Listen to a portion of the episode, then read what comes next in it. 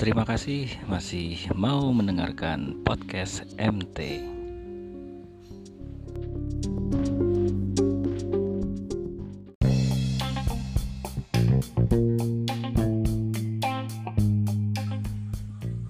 Assalamualaikum warahmatullahi wabarakatuh.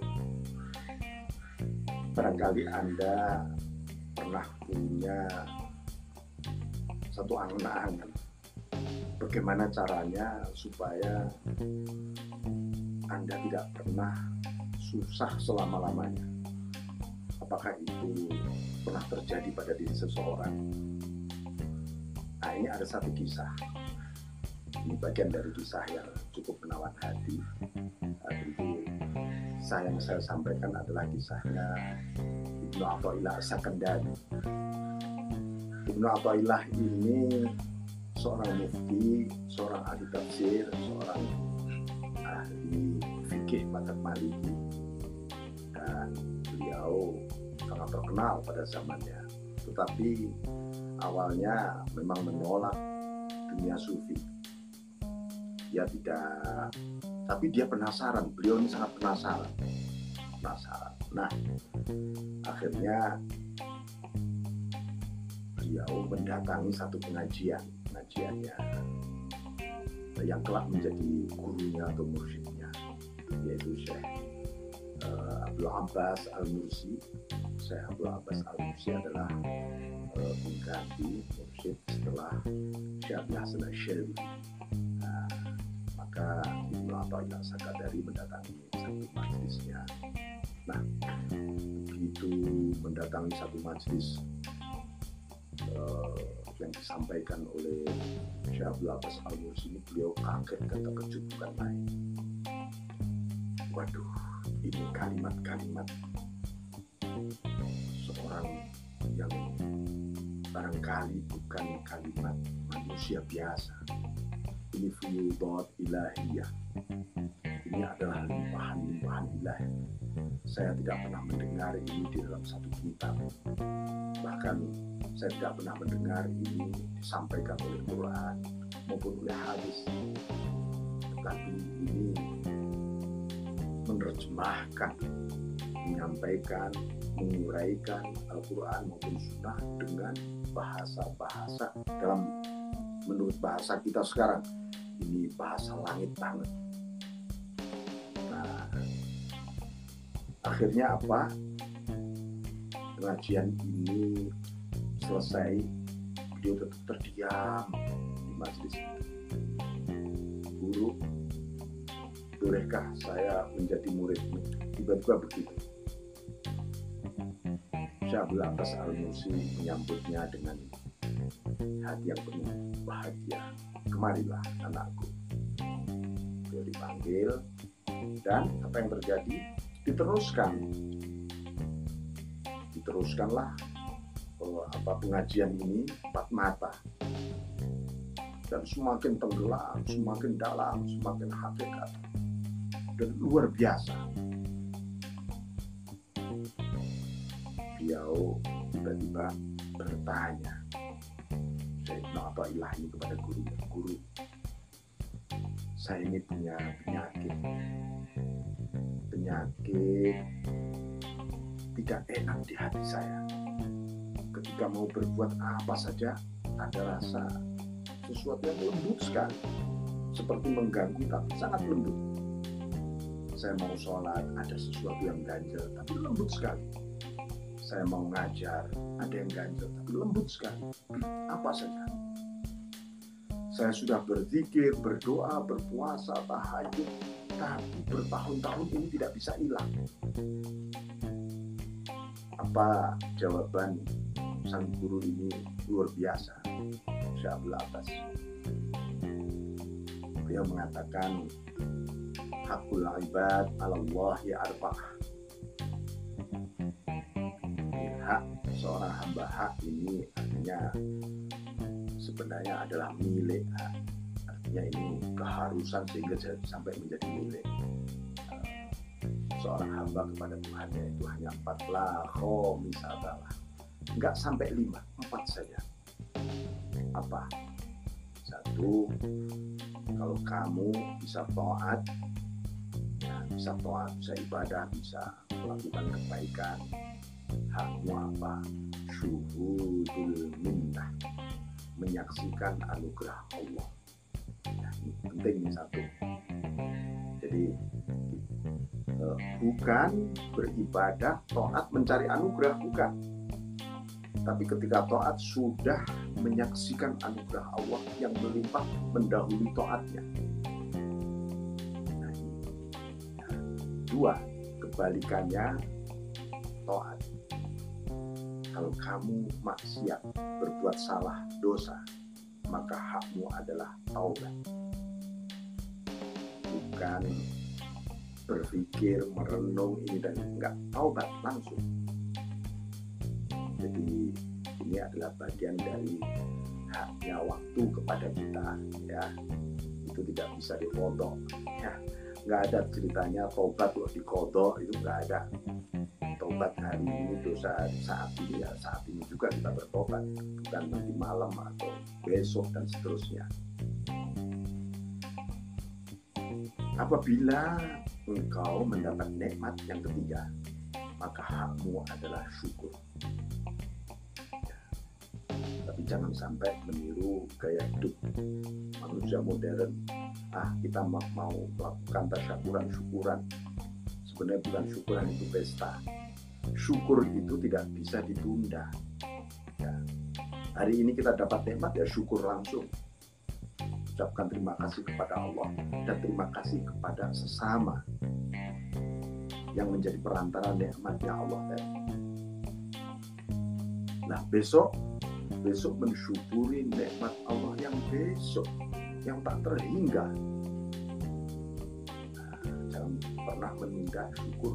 Karena itu syukur juga tidak bisa dikodok. Nah, kemudian yang keempat kalau engkau mendapat cobaan ujian maka hakmu adalah sabar dan ridho bukan mengeluh bukan uh, apa itu kecewa bukan apa enggak. Sabar ridho apa yang terjadi? Ini 10 tahun kemudian Ibnu Atta'illah bercerita tentang kisah ini 10 tahun setelah pertemuan itu beliau mengatakan sejak saya mendengar empat hal yang disampaikan guru saya Syekh Abdul Abbas Al-Mursi seluruh penyakit tidak enak di hati saya hilang sama sekali. Dan sejak saat itu saya tidak pernah susah sama sekali. Bahkan saya, saya sendiri sampai lupa yang disebut susah itu apa. Orang-orang pada susah ya. Karena susah, gelisah, ini dan seterusnya. Saya sendiri sudah lupa yang disebut susah itu apa. Nah, itu artinya sudah 10 tahun beliau tidak pernah susah sama sekali.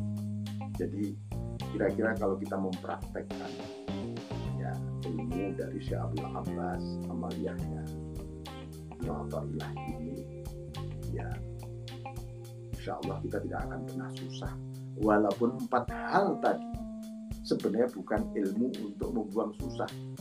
Itu adalah keniscayaan hidup kita. Maksudnya apa? Nah, kita ini pontang panting panting tulang. Keringat darah air mata. Muter aja keempat hal itu. Coba anda mencari ilmu pengetahuan sampai barangkali ada sudah ribuan buku ribuan penelitian anda cari muternya keempat hal tadi satu kalau kita sedang tidak taat, ya kita sedang maksiat mas. Loh, saya nggak maksiat pak, saya di rumah saja. Ngapain kamu di rumah? Ya, saya main-main, saya ngelamun, ini ini. Ah, itu maksiat menurut para sufi. Sepanjang hati kita tidak hadir di hadapan Allah, kita sedang maksiat sebenarnya. Kalau kita sedang tidak mendapat nikmat berarti kita sedang dapat cobaan. Hidup ini muter empat itu saja. Nah, kira-kira filosofi apa yang membuat Ibnu Athaillah tidak susah atau susahnya hilang sama sekali bahkan sampai akhir hayat beliau tidak pernah susah. Misalnya seseorang itu dapat cobaan. Oh iya cobaan ini juga dari Allah. Ini caramu memberi anugerah kepadaku melalui asma dan sifatmu yang jalaliyah. Darimu juga. Tidak ada yang kurang yang cacat yang dari sempurna cobaan bagaimana aku tidak sabar dan ridho. Wah akhirnya ridho sabar. Tumbuhlah. Berarti ini nikmat juga. Lalu dia bersyukur. Bersyukur ini to'at juga. To'at ini anugerah darimu Allah. Karena itu aku pasti tidak ingin dekat-dekat dengan pengingkaran terhadap karena aku takut juga kalau engkau merendahkan aku, menghina aku, jadinya aku maksiat.